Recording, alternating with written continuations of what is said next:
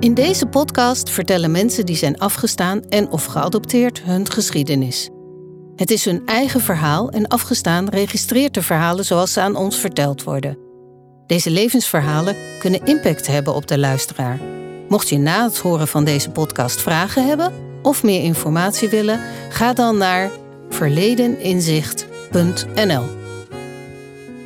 Hi, fijn dat je luistert. Wij zijn Karine Dorgelo en Georgia Gradenwietskamp. Samen maken wij Afgestaan, de binnenlandse afstand- en adoptiepodcast. Toen ik zes maanden oud was, ben ik bij mijn moeder weggehaald terwijl ze zelf niet thuis was en naar een kinderthuis gebracht. En ik ben direct na mijn geboorte in een instelling terechtgekomen waar ik een half jaar onvindbaar was voor mijn moeder. In deze podcast willen we de verhalen laten horen van Nederlandse afstandskinderen en binnenlands geadopteerden. Misschien denk je, Nederlandse afstandskinderen? Alle geadopteerden komen toch uit landen ver weg? Maar tussen de adoptiewet in 1956 en 2018 werden er ongeveer 28.000 kinderen afgestaan in Nederland. Al deze mensen zijn nu volwassen, hebben soms kinderen en kleinkinderen, maar kennen vaak hun eigen familiegeschiedenis niet. In de komende afleveringen kun je horen welk effect dat heeft op hun leven. Vandaag zijn we bij Anna, die tot haar vierde in een tehuis heeft gezeten en zich de kijkdagen daar, voor adoptieouders die een kindje wilden, nog goed herinnert.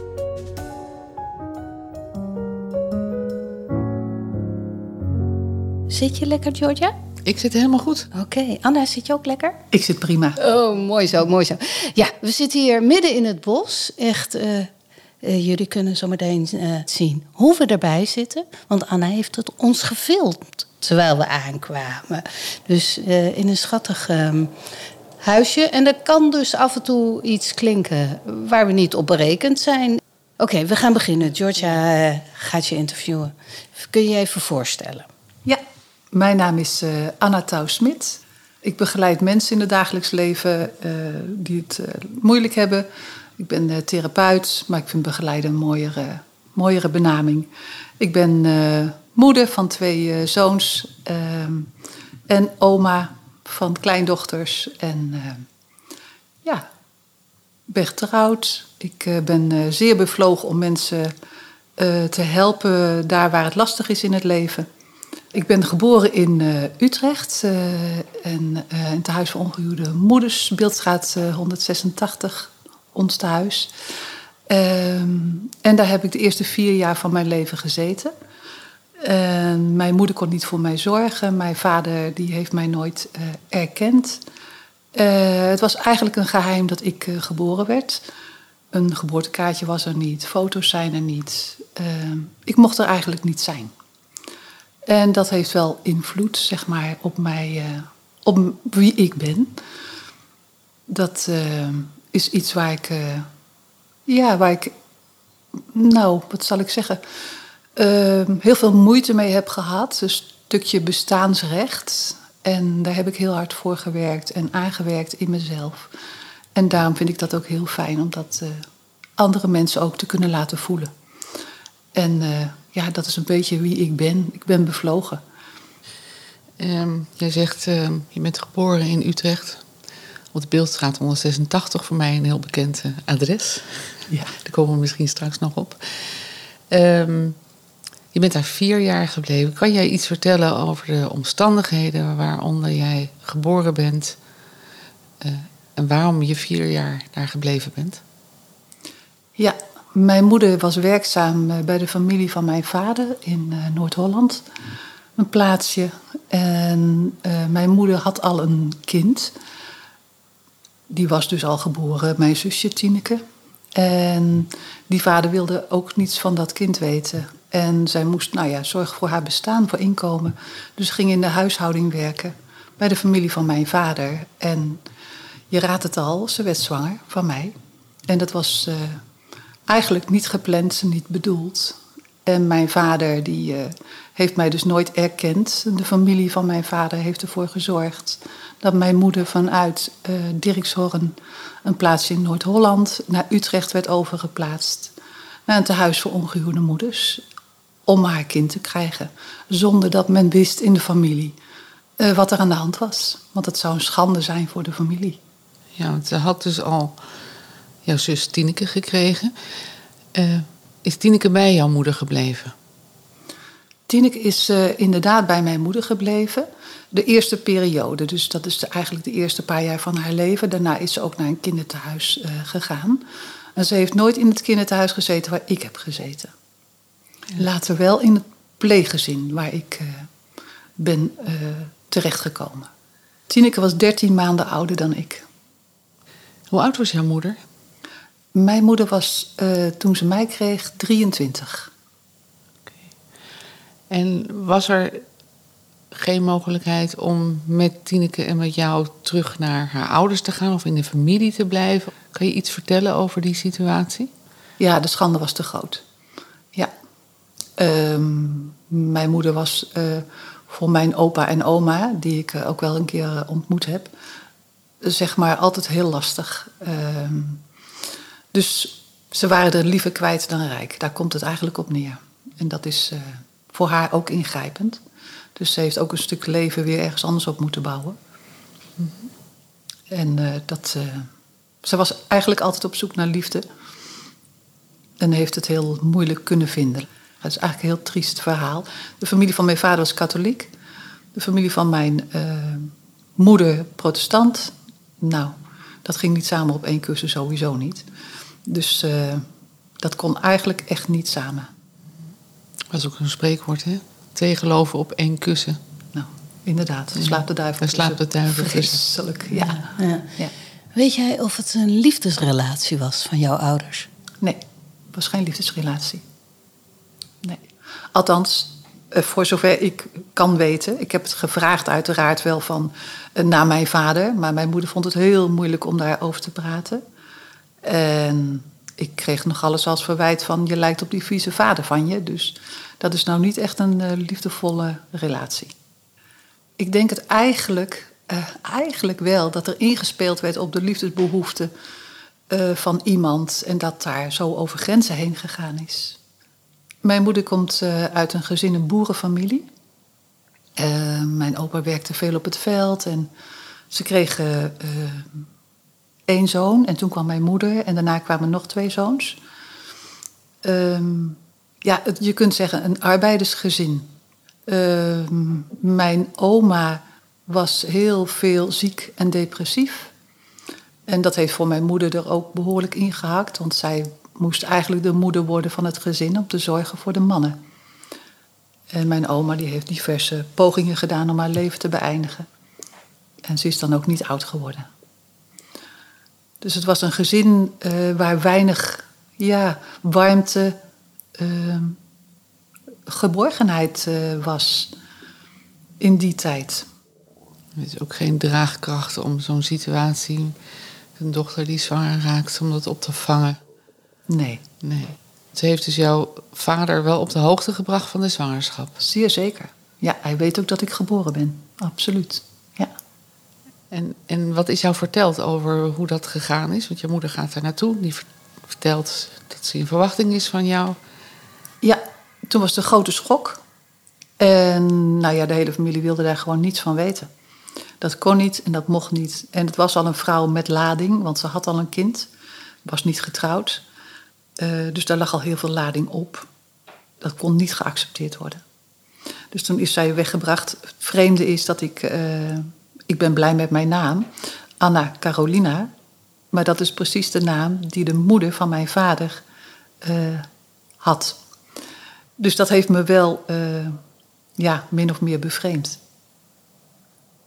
Dus je heet naar je oma van vaders kant? Ja. ja. Waarom denk je dat dat zo is? Ik, uh, ik heb er geen idee van, eerlijk gezegd. Ik weet het niet. Ik ben nogmaals wel blij met mijn naam, maar uh, waarom het ja, ik toch naar haar vernoemd ben, dat is uh, voor mij nog wel een beetje een, een, een puzzelstukje, zullen we maar zeggen. Dat gebeurt vaker. Dat mensen dan een naam krijgen van uh, de familie van de vader. Er zijn wel eens moeders die dat omschreven hebben als een soort ultieme poging om, om toch het kind geaccepteerd te krijgen. Of misschien als ik het vernoem naar, dat er dan toch acceptatie komt. Zou zoiets kunnen? Of is dat Ja, dat zou zeker goed kunnen. Ja. Dat, eh, als je me dat zo zegt, dan, dan vallen er wel wat kwartjes van aha. Ja, want dat kan ik me voorstellen dat je dat dan doet. Om toch maar een stukje ja, van het hart te raken, zeg maar. Ja. Ja.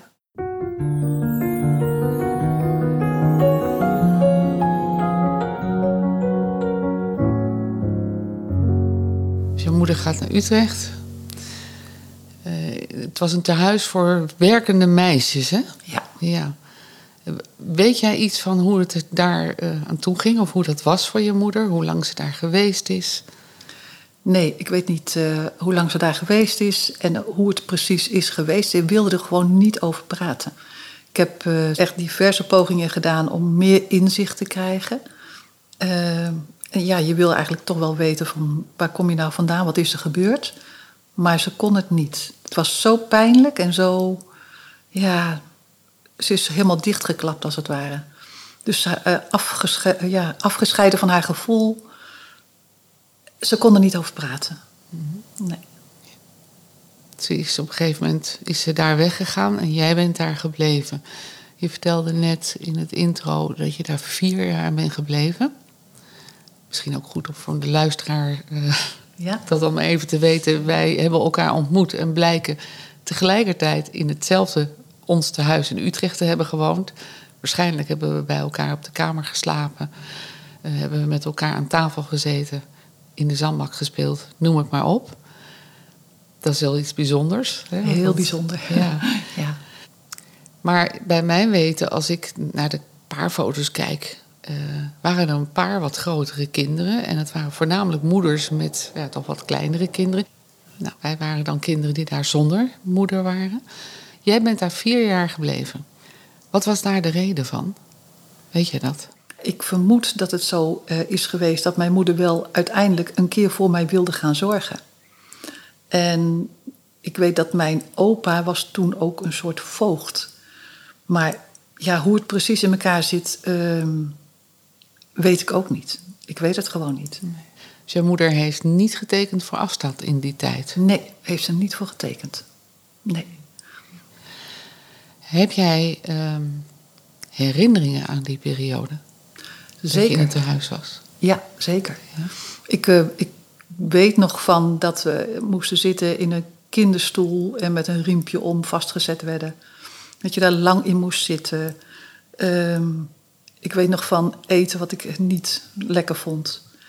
Ik weet ook nog van eh, dat als we eten hadden, dat er dan snel gegeten moest worden. Dus ik, ik ja, omdat op is op, zeg maar. Dus dat gevoel ken ik. Ik weet nog het gevoel van de slaapkamerszaal met bedjes, met eh, witte metalen bedjes met eh, spijltjes. Ik, ja, ik, ik kan me daar nog wel dingen van herinneren. En eh, ik voel daar ook nog, zeg maar, in dat stuk heel veel, eh, ja, toch ook een stuk eenzaamheid. Dat ik nog eh, echt me kan herinneren. Dat ik me heel veel alleen voelde. En tegenover het tehuis is een, een heel mooi groot huis met witte pilaren daarvoor. En ik weet ook nog dat ik daar wel eens naar kon kijken. Ik dacht, oh, als je daar nou toch zou wonen, hoe zou dat zijn? En nou, dat soort dingen die komen wel boven. Ik weet nog van de zandbak waar we in gespeeld hebben, waar wij samen ook in gespeeld hebben. Wat ik heel erg bijzonder vind en heel fijn om jou ook te ontmoeten op deze manier. Want het geeft een stukje herkenning en erkenning. Ja. Het was ook wel bijzonder hè, dat we. eh, jij vertelde mij dat je je soms afvraagt van zijn herinneringen nou echte herinneringen of heb je ze zelf geconstrueerd? En doordat je met elkaar kunt praten over de gedeelde herinneringen, kan soms de ander dat dan ook bevestigen. Ja, dat is zo ongelooflijk fijn. Want je twijfelt toch, dat stemmetje in je hoofd van ja, maar was het wel echt zo? Klopt het wel? Of heb ik het verzonnen? Maar ik weet ook diep van binnen dat ik het niet verzonnen heb, maar ik krijg het nu bevestigd. En dat is echt heel fijn. Ja. Je vertelde mij ook, en dat greep me best wel aan, ehm, dat er waren kijkdagen. Kan je daar iets over vertellen? Ja. Ik, eh, er waren kijkdagen dat mensen kwamen kijken naar de kinderen. eh, en als het ware uit mocht, mochten kiezen. En ik weet nog in mijn herinnering dat ik eh, ook zo graag uitgekozen wilde worden en mijn best deed dat de mensen mij ook zagen. Maar dat, dat gebeurde dus niet. Want het ging dus achteraf gezien eigenlijk om kleinere kinderen, om baby's of peuters. Ik was eigenlijk al te groot. Maar ik wilde zo graag ook ergens bij horen. Ook eens weten hoe zou het zijn als je een vader en een moeder hebt. Dat gevoel. Dus ja. Kun jij ehm, eens beschrijven, zo'n kijkdag? Wat je je daarvan echt van herinnert? Dus ehm, naast de flarden die je nu zegt, maar hoe dat te werk ging. Ja, in mijn. Uh, je werd eigenlijk uitgekozen. Ben je, ben je lief? Kun je lief lachen? Kun je. Uh, ja. Ben je leuk genoeg? Uh, zie je er goed uit? Ik, dus erg op uiterlijke vormen.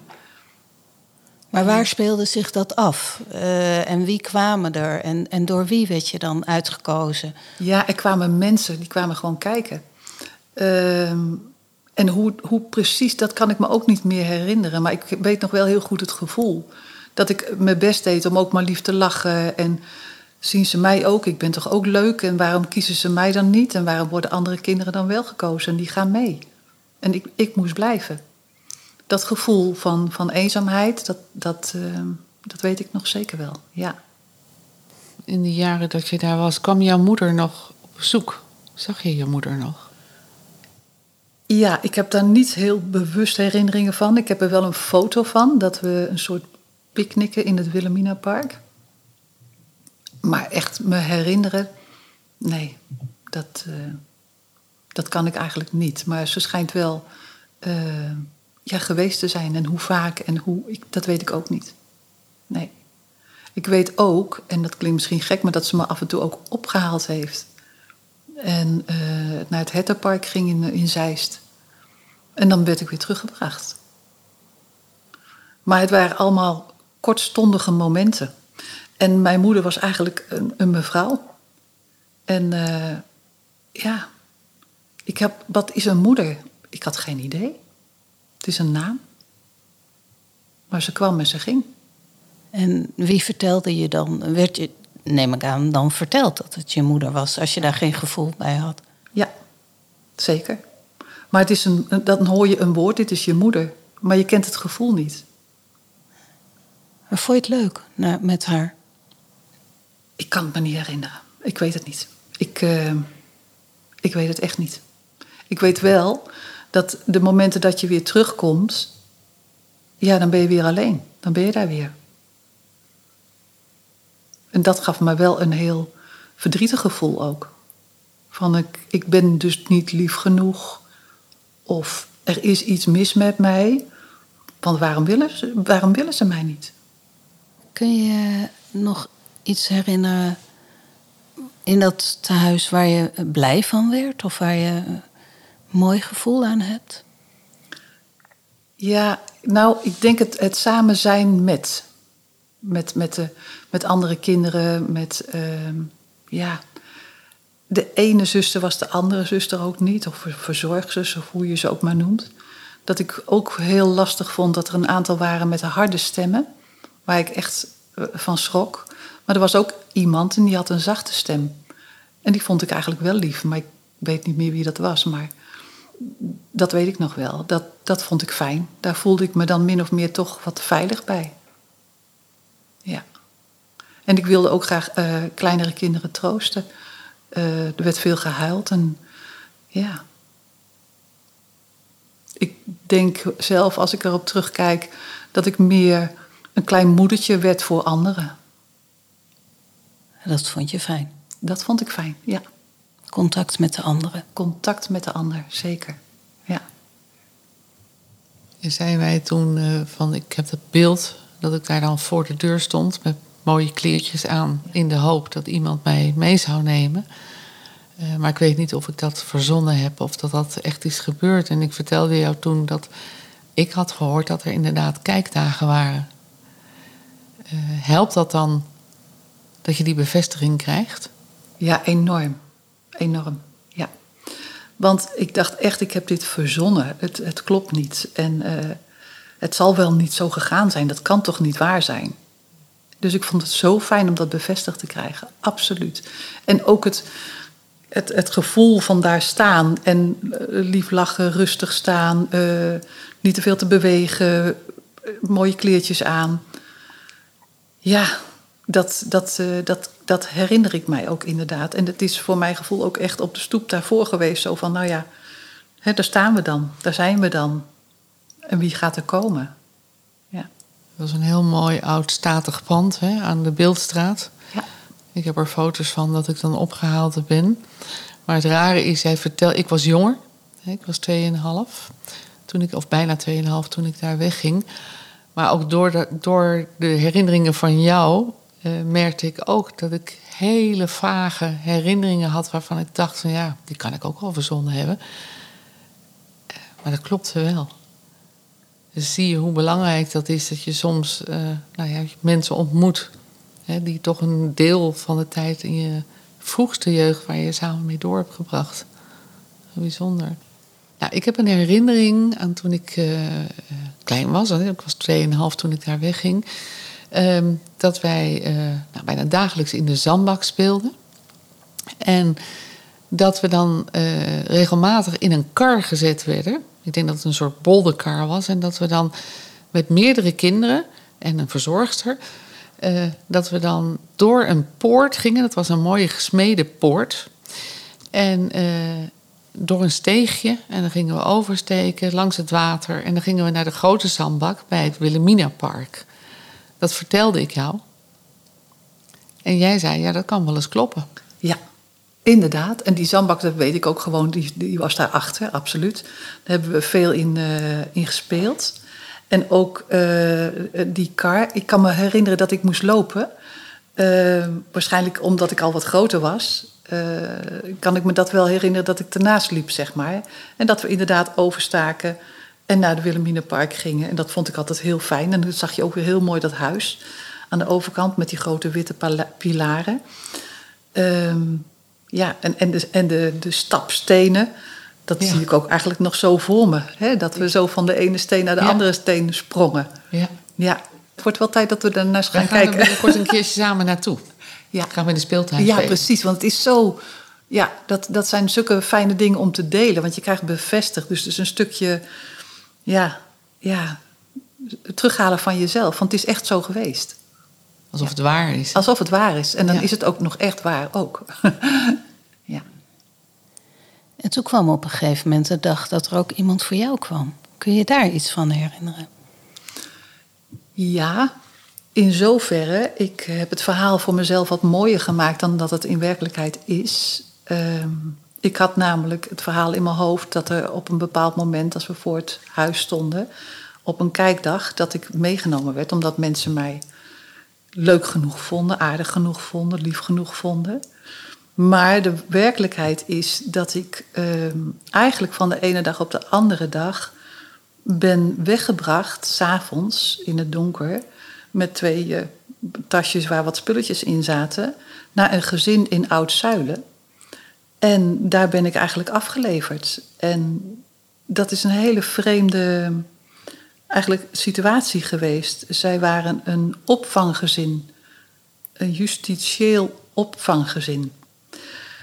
Maar wat nou precies de achtergrond hiervan is, dat heb ik nooit kunnen achterhalen. Nee, dus dat is een, een, een vraag. Ik heb een, een, een pleegbroer die ouder is, die uh, is van uh, 13 jaar of 14 jaar ouder is dan ik ben. En hij weet het zich nog wel uh, goed herinneren dat ik s'avonds laat, dat er aangebeld werd dus. En dat ik uh, daar ja, afgeleverd werd als klein meisje. Want dat was ik natuurlijk nog maar. Ik had het mooi gemaakt in mijn hoofd, want ik ben uitgekozen omdat ze me lief hadden, maar ik ben gewoon weggebracht. En dat geeft wel een heel, ja, ook weer een, een verdrietig gevoel.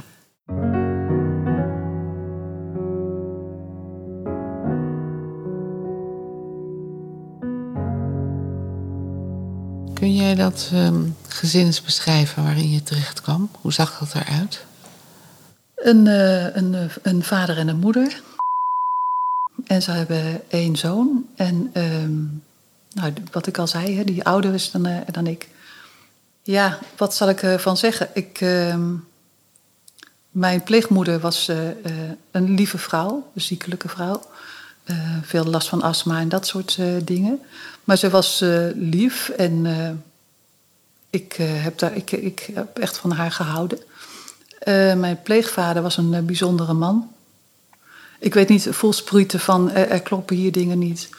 En het akelige is eigenlijk dat ik seksueel misbruikt ben door hem. Van mijn vierde tot mijn tiende jaar. Toen ben ik daar weggegaan. En dat er mij dus gezegd werd: Je mag hier niet over praten, want als je hierover praat, dan moet ik naar de gevangenis. En jij gaat terug naar het kinderthuis. En dat zijn dingen die er dan gebeuren, die zijn zo schokkend.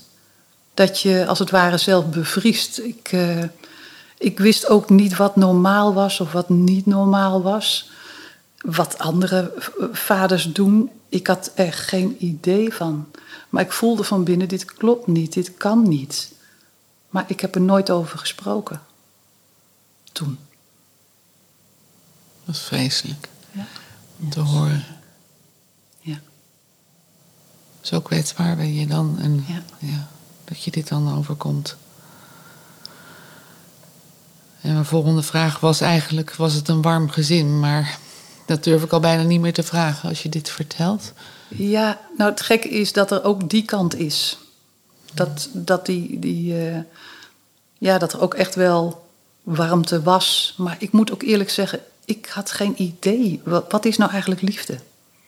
Dat weet je niet. Dus je voelt je ergens misschien wat veilig. Maar ik voelde me aan de andere kant ook helemaal niet veilig. Ik voelde me veilig bij mijn pleegmoeder. Maar zij keek ook de andere kant op, als het ware. Dus ehm, wat is dan veiligheid? Waar ik me veilig bij ging voelen, dat waren dieren. En daar ging ik me erg mee verbinden. Dat vond ik fijn.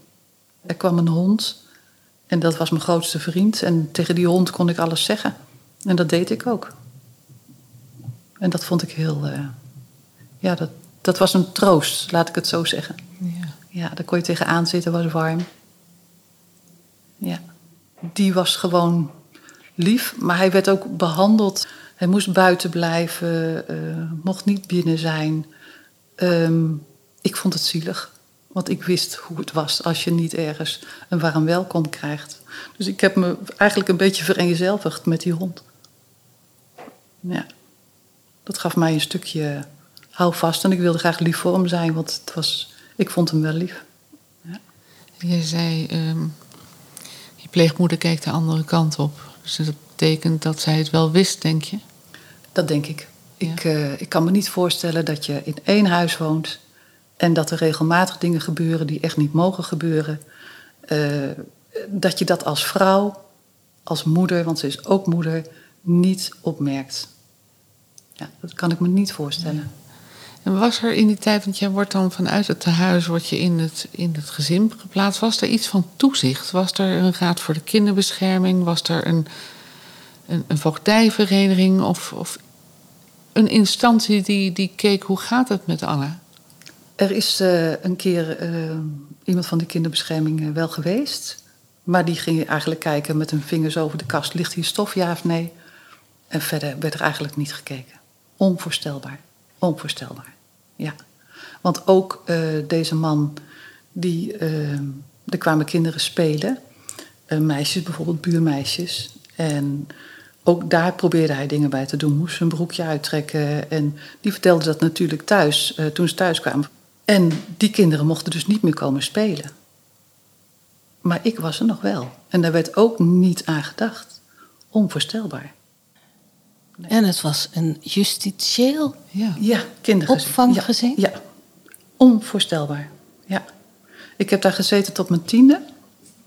Toen kwam mijn moeder mij ophalen, omdat ze toen wel voor mij kon gaan zorgen. Dat was ook een enorme overgang voor mij. Maar de andere kant was dat ik het fijn vond dat ik van die onveiligheid af was. Dus, en oom kon gewoon nog altijd zijn gang gaan. En er zijn andere kinderen gekomen na mij, vele. En er zijn vele kinderen van misbruikt. Er is ook zelfs nog een rechtszaak geweest. Maar hij is nooit veroordeeld. Dat is afschuwelijk. Nou, verschrikkelijk. Ja. ja. En hierin hebben mensen echt de andere kant op gekeken. En dat vind ik heel kwalijk. Je kunt een kind, die heeft, eh, heeft toch, nou ja, veiligheid nodig. Absoluut. Ja. Zeker. Ja. Zeker. Het is, het is verschrikkelijk. Ja. Wezenlijk. Ja. Je vertelt net, je bent tien. Dit is dus een lange periode eh, waarin je het hebt moeten uithouden, eigenlijk. Want zo mag ik het misschien samenvatten. Overleven. ja, zeker. En dan komt op een dag jouw moeder. Hoe ging dat? Mijn moeder kwam af en toe eh, ook op bezoek in het pleeggezin. En zij had een, een nieuwe man. En dat was eh, een meneer die eh, heel aardig was. Hij was een stuk ouder dan, dan mijn moeder. Maar die was voor mij ook heel vriendelijk als ze dan op bezoek kwamen. En ik weet nog dat ze hadden een grote Mercedes. En dat was eh, begin jaren zestig eh, nou best heel bijzonder. Eh, en ik mocht dan voorin zitten. Ik mocht mee een stukje rijden. Nou, ik- dat vond ik helemaal geweldig. Ehm, die man die was lief. Ze zijn ook getrouwd. Heb ik vernomen. Hè. Ik ben daar uiteraard niet bij geweest. Maar die man die werd ziek. En die is binnen hele korte tijd is die overleden. En toen kwam mijn moeder alleen te staan. Want Tineke zat ook in een kinderthuis.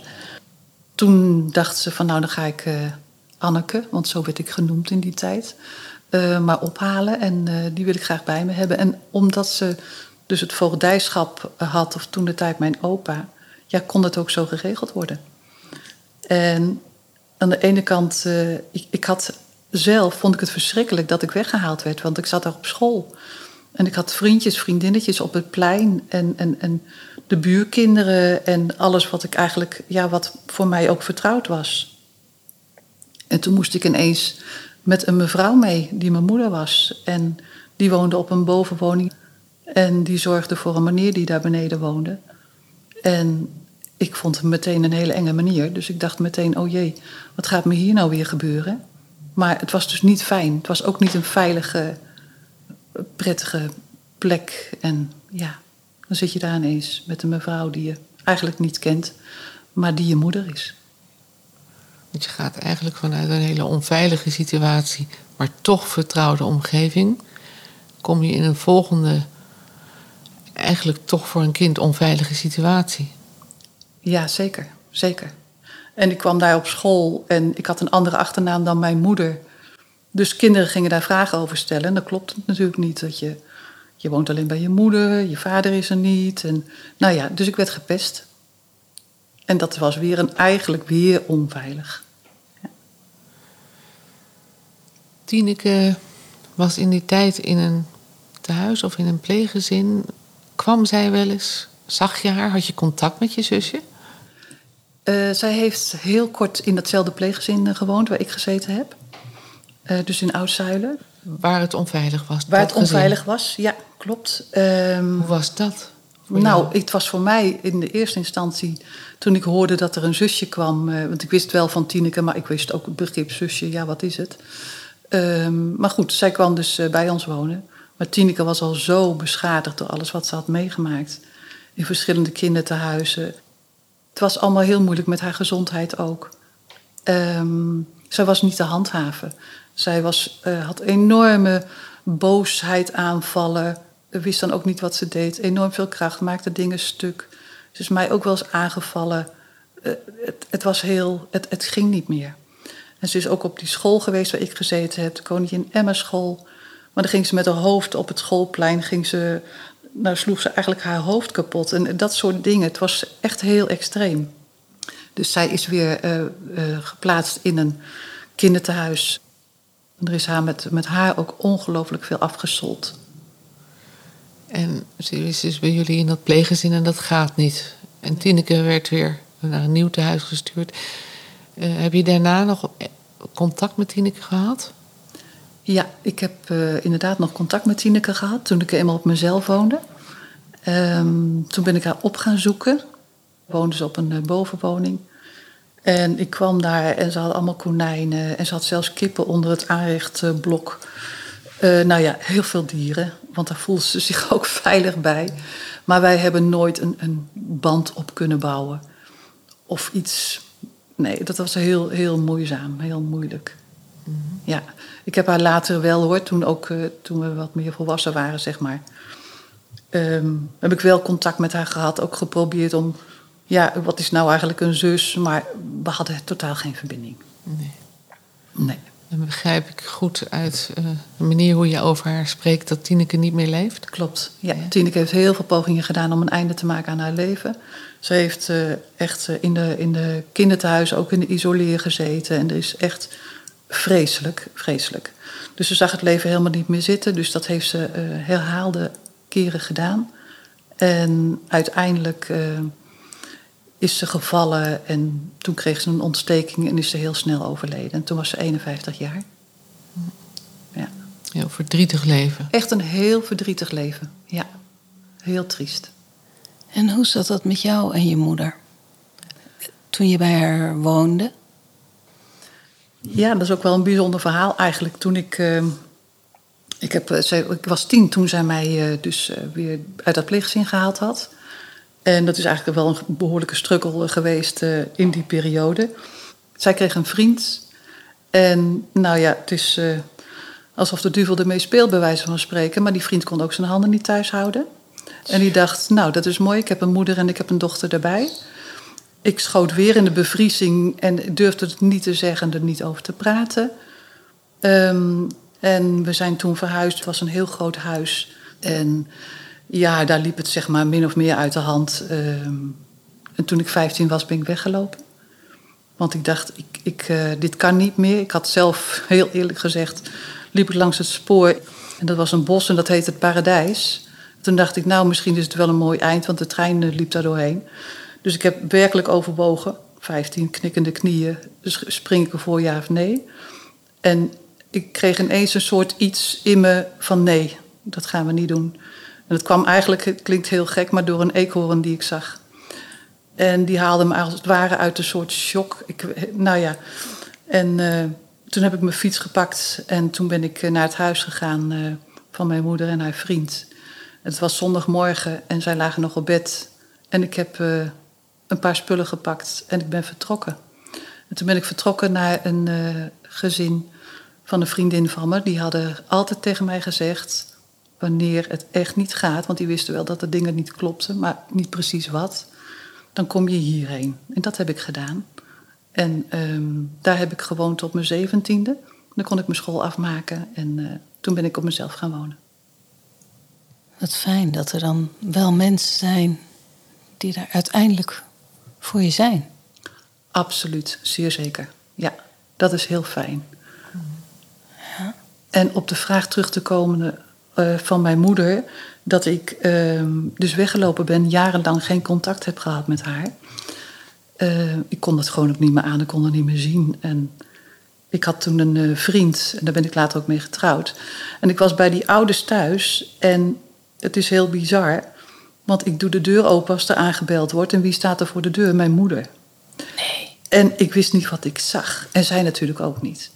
En zij kwam voor het zusje van mijn toenmalige man. Want die zat op de, eh, de club waar zij dan les gaf over postzegels en dat soort eh, dingen. En ze kwam wat brengen. Dus het was een totaal onverwachte ontmoeting. Maar uiteindelijk is het wel goed geweest, want daaruit voort kwam toch schoortvoetend weer een soort contact voort.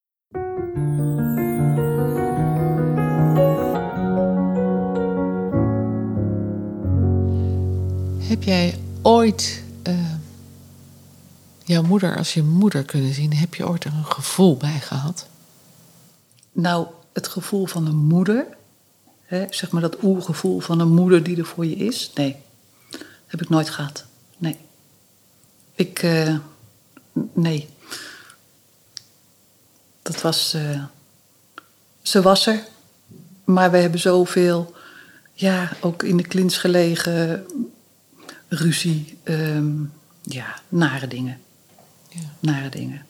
Wel later, hè, dat, ze, dat, eh, dat ik zelf volwassen was ehm, en ik kreeg kinderen. Toen dacht ik ook van ja, ik heb geen opa en oma echt gehad. Dus ik wil haar wel de kans geven om een oma te zijn voor, eh, voor de jongens. Dat heeft ze ook echt gedaan en dat is eh, heel goed. En we hebben nooit echt een, een intense band gehad. Er zat te veel voor.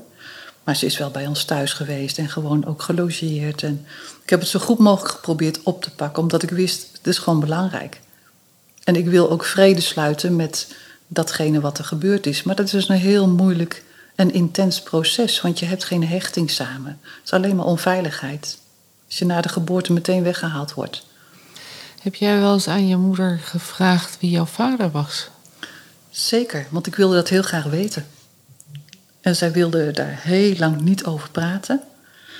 En ik, ik ben daar echt heel vaak over begonnen. Maar toen heb ik uh, andere stappen gezet. Ik uh, had een telefoonnummer gekregen van mijn opa, want die zus woonde in hetzelfde dorp.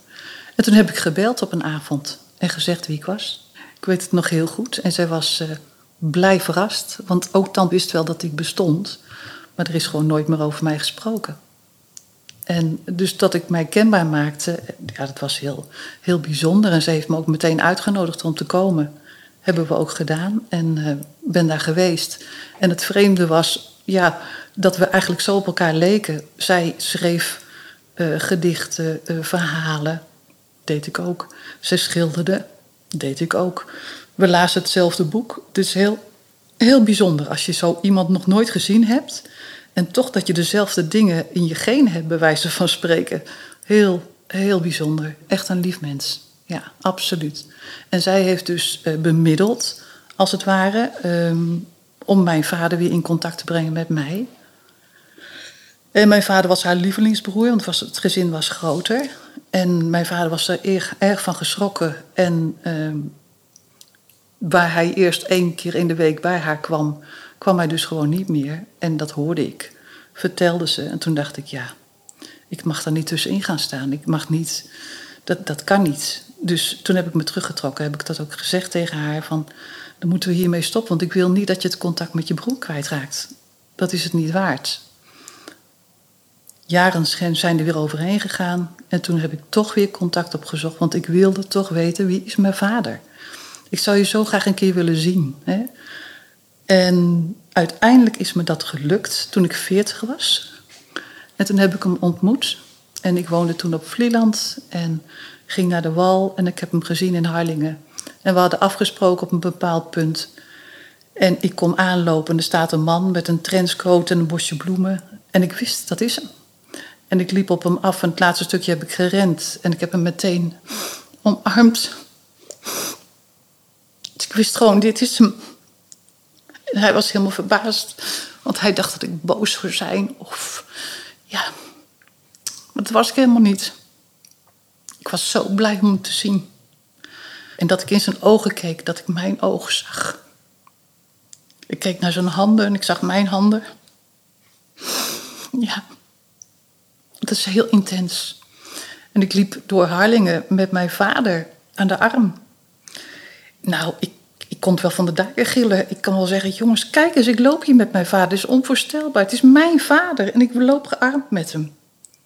Ja, het was echt, echt heel bijzonder. En hij was bang dat ik boos op hem zou zijn. En dat zei hij ook. En zei ik, ik ben helemaal niet boos op je. Het is, wat gebeurd is, is gebeurd, kunnen we niet veranderen. Maar je bent er nu.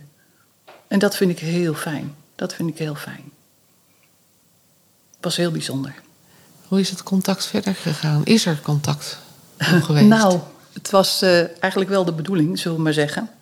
Want ik vertelde natuurlijk over de kinderen en uh, ik hou superveel van de jongens en heel trots op ze. Dus ik, vertelt het, uh, ik vertelde dat.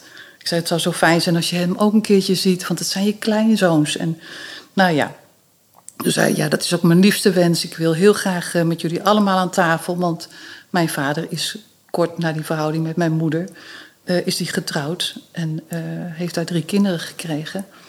Dus hij zei: Het mooiste zou zijn als we allemaal bij elkaar zouden kunnen zijn. Nou, dat was natuurlijk een diep verlangen van mij.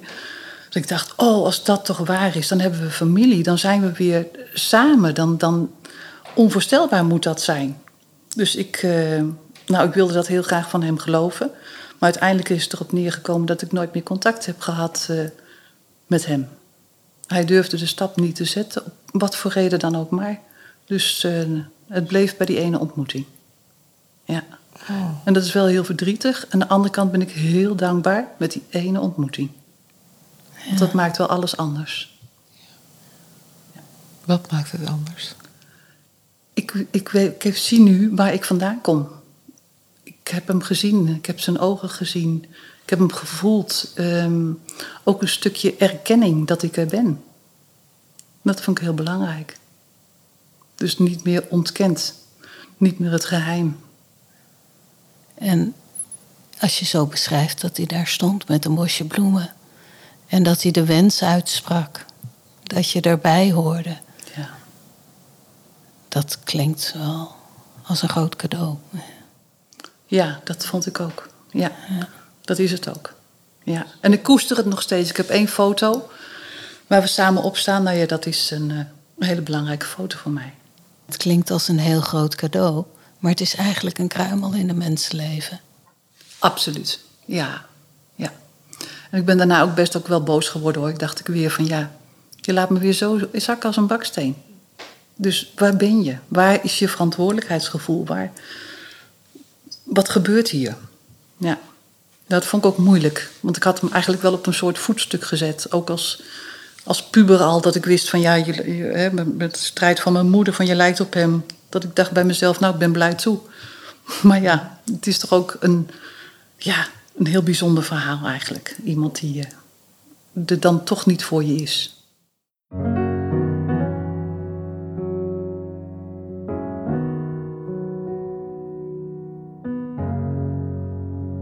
Je vertelde net al, eh, je hebt twee zoons. Heb je altijd kinderen gewild? Nee. Nee, ik, eh, wat ik altijd heb gewild is, eh, althans zo voelde ik dat. We gaan kinderen adopteren. We gaan kinderen, er zijn al zoveel kinderen op de wereld. Dat was dat mijn motto. Nou, dan gaan we niet nog meer extra kinderen, dat gaan we niet doen. We gaan kinderen opvangen. En dat heb ik echt heel lang gedacht. Ja, tot het moment eigenlijk kwam dat ik in mezelf voelde, maar ik wil eigenlijk ook wel moeder worden. Ehm, en ik ging me daar steeds meer voor openen. En nou ja, dan. En dat is gelukkig gebeurd. Dus dat was heel erg fijn. En dat heeft mijn proces ook enorm in gang gezet. Want je krijgt dat kindje, dat komt uit je en je krijgt het op je buik. En dan, dan realiseer je eigenlijk nog niet eens precies de grootsheid daarvan. Maar ik had hem in mijn armen en ik dacht echt van, wat ben je mooi, wat ben je lief. Maar ook wat ben je kwetsbaar en wat ben je klein. En toen moest ik echt ook, niet meteen op dat moment, maar wel momenten daarna, echt denken van, hé, maar zo ben ik ook geweest. Hoe kan het? Hoe bestaat het? Dat een kindje wat net zo geboren wordt, meteen weggehaald wordt, meteen weggaat bij de moeder. Onvoorstelbaar. Ja, ik was ook best wel onzeker. Ik dacht, oh, kan ik het wel? Want dat zijn ook momenten geweest tijdens de zwangerschap. Ik dacht, oh, kan ik wel een goede moeder zijn? Kan ik wel genoeg voor hem zorgen? Uh, nou ja, al die vragen die dan zo voorbij komen. Maar ja, uiteindelijk voelde ik zoveel liefde. Ja, en dat is ook gewoon de sleutel. Maar ik ben wel uh, als een leeuw ook voor mijn kinderen gaan liggen, zeg maar. Ik wilde het beschermen. Dat het niet uh, dingen mee zou maken die ik zelf meegemaakt had. Zijn ze Die veilig? niet fijn waren, zijn ze veilig? Want daar gaat het over, ja. Ja, en dat heb ik wel uh, heel, heel lang gehad. Ja. Hebben jouw zoons, ehm, hebben ze het wel eens over jouw verleden? Maakt het deel uit van hun leven of heeft het invloed op hun leven? Het heeft absoluut invloed op hun leven.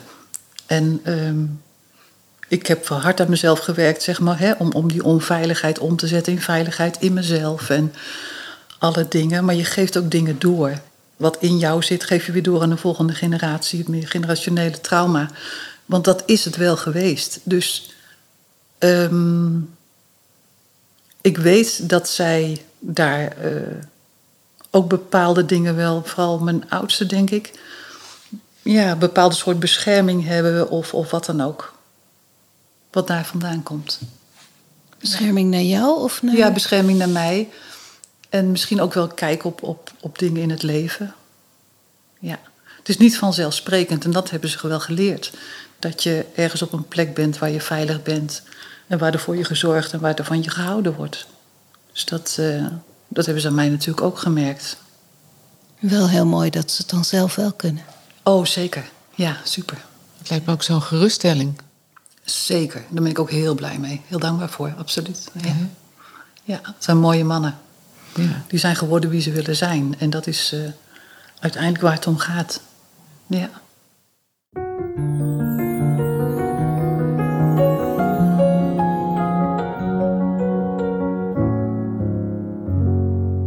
Wat heb jij zelf gedaan om uh, ja, deze geschiedenis, om te worden wie je bent met deze geschiedenis? Heel diep in mezelf gaan voelen wat er gebeurd is. En het erkennen dat het gebeurd is.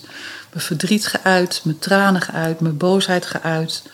Uh, nou, alle aspecten die daarbij horen. Uh, om weer mezelf echt te kunnen omarmen en niet af te wijzen. En me veilig te voelen in mezelf. Je kunt het niet, uh, niet wegdenken. Hè?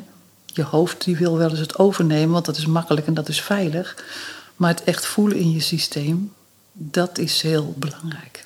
En daar help ik mensen ook bij. En ik weet hoe, hoe moeilijk dat kan zijn. En hoe kwetsbaar. En vooral ook waar ik me in gespecialiseerd heb, is dat hele geboortestuk. Is dat prenatale stuk wat zo belangrijk is. Want emoties en alles wat daar al opgeslagen wordt, is ongekend. Dus de start van je leven is uh, bepalend. Uh, bij heel veel dingen. In ieder geval in je leven. En dat is uh, nog een onderbelicht stuk. Maar zeker wanneer je geboren bent op de manier waarop wij geboren zijn, hè, niet, niet, uh, niet gewenst. Uh, nou ja, met allerlei omstandigheden eromheen. Uh, abortuspogingen. dat heeft allemaal een enorme invloed op je hele ontwikkeling. Op de ontwikkeling zelfs van je organen en hoe je reageert. Maar ik heb zelf ervaren hoe het is om dat stuk op te schonen. En dan kun je jezelf eigenlijk bestaansrecht geven. En ja, als het ware, klinkt misschien gek, maar je eigen vader en moeder worden. Dat je jezelf kunt reguleren, dat je ja, van jezelf kunt houden. En daarmee krijg je een hele andere flow ook weer in je leven. In hoeverre speelt uh, het feit dat jij afgestaan bent en dat je dit verleden hebt nu nog een rol in jouw leven? Het zal altijd een rol in mijn leven spelen. Uh, ik laat me er niet meer door leiden. Ik voel me veilig in mezelf. Dat is hard werken geweest. Maar het, ik kan mijn verleden niet uitwissen. Dus dat draag ik altijd met me mee. Dus voor mij is het altijd ondanks het feit dat ik me echt wel goed verbonden voel met mezelf en onderhand wel redelijk weet wie ik ben. Maar toch, als je een nieuwe situatie ben ik hier welkom. Kan ik zijn wie ik ben? Of, of moet ik een maskertje opzetten? Of uh, nou ja, dat. En dat neem je wel mee. Wat is voor jou um, de hoop? Um, in, voor jouw eigen situatie, voor de toekomst of voor nu? Liefde en verbinding. En dat is er. Ik, uh, ik heb een hele fijne band met de jongens en de, de vrouwen en mijn man. Het is, ik voel me heel erg gedragen. Ik heb echt heel veel lieve mensen om me heen. Echt onvoorstelbaar. En dat, ja, dat is heel helend en dat is heel erg fijn. Dus als je zegt hoop, laten we het warme bad en die liefde doorgeven. Dat is mijn hoop. Ja. En hoe meer mensen dat doen, hoe mooier het wordt. Je zegt um, onvoorstelbaar. Ja. Was het zo onvoorstelbaar voor jou? Nee, eigenlijk niet, want ik weet het ook. Ik krijg echt heel veel waardering of support of, of wat dan ook maar. Maar dus, dus kennelijk nog steeds, want je hoort het in mijn taalgebruik, nog steeds dat, dat stuk onvoorstelbaar, hè? ongelooflijk. Dus alsof ik het nog steeds niet geloof. En toch is het er. Er zijn mensen um, in ons land of in onze omgeving die niets weten van wat er in Nederland gebeurd is afstand en adoptie. Zou je iets uh, kunnen of willen zeggen tegen die mensen? Wat ik uh, heel graag zou willen zeggen is: uh, oordeel niet te snel. Want achter ieder mens zit een verhaal. En dat is heel erg belangrijk. Dus compassie. Wees een beetje liever voor elkaar. Ja. En kijk, en kijk echt. Met oprechte ogen. En ook als je ergens, want ook dat gebeurt nog steeds, dat er weggekeken wordt van allerlei zaken. Kijk niet weg. Neem je verantwoordelijkheid. En ook daarin niet te snel oordelen. Maar wanneer je het gevoel hebt dat er iets is met een kind of met een, een jongvolwassene, luister naar je gevoel. En stop het niet weg, maar verifieer het op je eigen manier. Waarom heb jij ons jouw verhaal willen vertellen? Ik vind het heel fijn om, uh, om, om dit te delen. En ook om het open te breken. Er is nog zoveel wat onder het kleedje geveegd wordt, waar niet over gesproken wordt, waarvan weggekeken wordt. In alle lagen. En dat moet stoppen. Het moet gewoon duidelijk worden. Verleden in zicht. Dat betekent ook dat je het mag zien. En dat het gehoord mag worden. Ik vind dat heel erg belangrijk. Er wordt snel aan eh, voorbij gegaan hoe intens deze ervaringen zijn. Als je dus niet bij ouders opgroeit. Dat je ontheemd kunt zijn. Dat je eigenlijk niet weet waar je vandaan komt.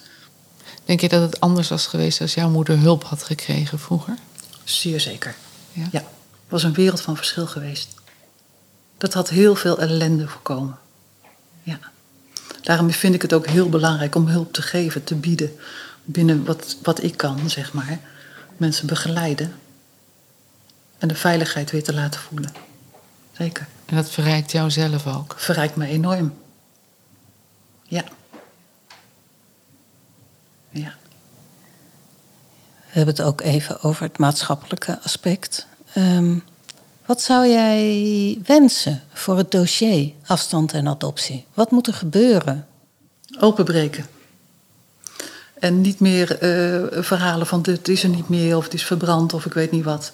Verantwoordelijkheid. Neem verantwoordelijkheid voor datgene wat er gebeurd is in de geschiedenis. En ik, uh, ik vind dat heel erg belangrijk. En dat geeft ook een stuk erkenning voor degene die het is overkomen. Er wordt nu uh, onderzoek gedaan door um, Commissie De Winter, Misha De Winter als commissievoorzitter, naar de geschiedenis van afstand en adoptie. Hoe belangrijk vind je dat? Heel belangrijk, zeker. Laat het maar boven tafel komen. Ja, openheid. Openheid. Ja. En dat geeft erkenning nogmaals. En ja, dan kunnen mensen ook misschien gelden ter beschikking krijgen om hun stuk aan te pakken. Want er zijn heel veel mensen die in het tekort van liefde, in het tekort van welkom zijn, nog steeds zitten, ook al zijn ze 60 of 70 of 50 omdat het leven niet stroomt. En dat ze nog steeds geloven dat ze er eigenlijk niet toe doen, of wat dan ook maar. Om wat voor reden ook maar. En dat mag echt veranderen. Daar moeten gelden voor komen. Mensen moeten de ondersteuning krijgen die ze verdienen. Waar ben jij trots op? Ik ben uh, trots op dat ik doe wat ik doe. In het hier en nu. Ja, en dat vind ik heel. En dat, daar ben ik inderdaad oprecht trots op. Dat ik, dat ik ben wie ik ben. Ik ben eigenlijk geworden wie ik wil zijn. En er blijven zeker uh, littekens blijven over, maar de wonden die, die zijn geheeld en daar ben ik heel trots op. En dat kan ik ook uitdragen. En ja, ik kan zeggen, ik ben trots op mijn kinderen, zeker. Ik ben hartstikke trots op ze. Maar ik heb het uiteindelijk in mezelf gevonden. En daar ben ik wel heel trots op. Ja, door alle uh, diepe dalen heen kan ik ook op de top staan. Mooi. Mooi. Ja. ja. dank je wel. Echt. Heel erg bedankt, Anna. Heel graag gedaan. Ja. Jullie bedankt. De podcast Afgestaan is gemaakt door Georgia Kranenwietskamp en Karin Dorglo. De editing werd gedaan door Constantin Johannes bij The Sound Republic. De muziek is Ruth uit 2021 van Duke Harrington te vinden op Epidemic Sound, Open Spotify. Als je onder de indruk bent van deze podcast, wil je hem dan delen via je socials? En als je ons 5 sterren geeft, kunnen anderen ons beter vinden. In de show notes kun je meer informatie vinden over Stichting Verleden in Zicht voor Nederlandse afgestaanden en binnenlands geadopteerden en over de andere onderwerpen die in deze aflevering ter sprake kwamen. Wij maken deze podcast omdat we dit belangrijk vinden. Vind jij dat ook? En wil je ervoor zorgen dat we dit kunnen blijven doen? Dan kun je ons helpen met een kleine of grote donatie. Ga hiervoor naar de website verledeninzicht.nl.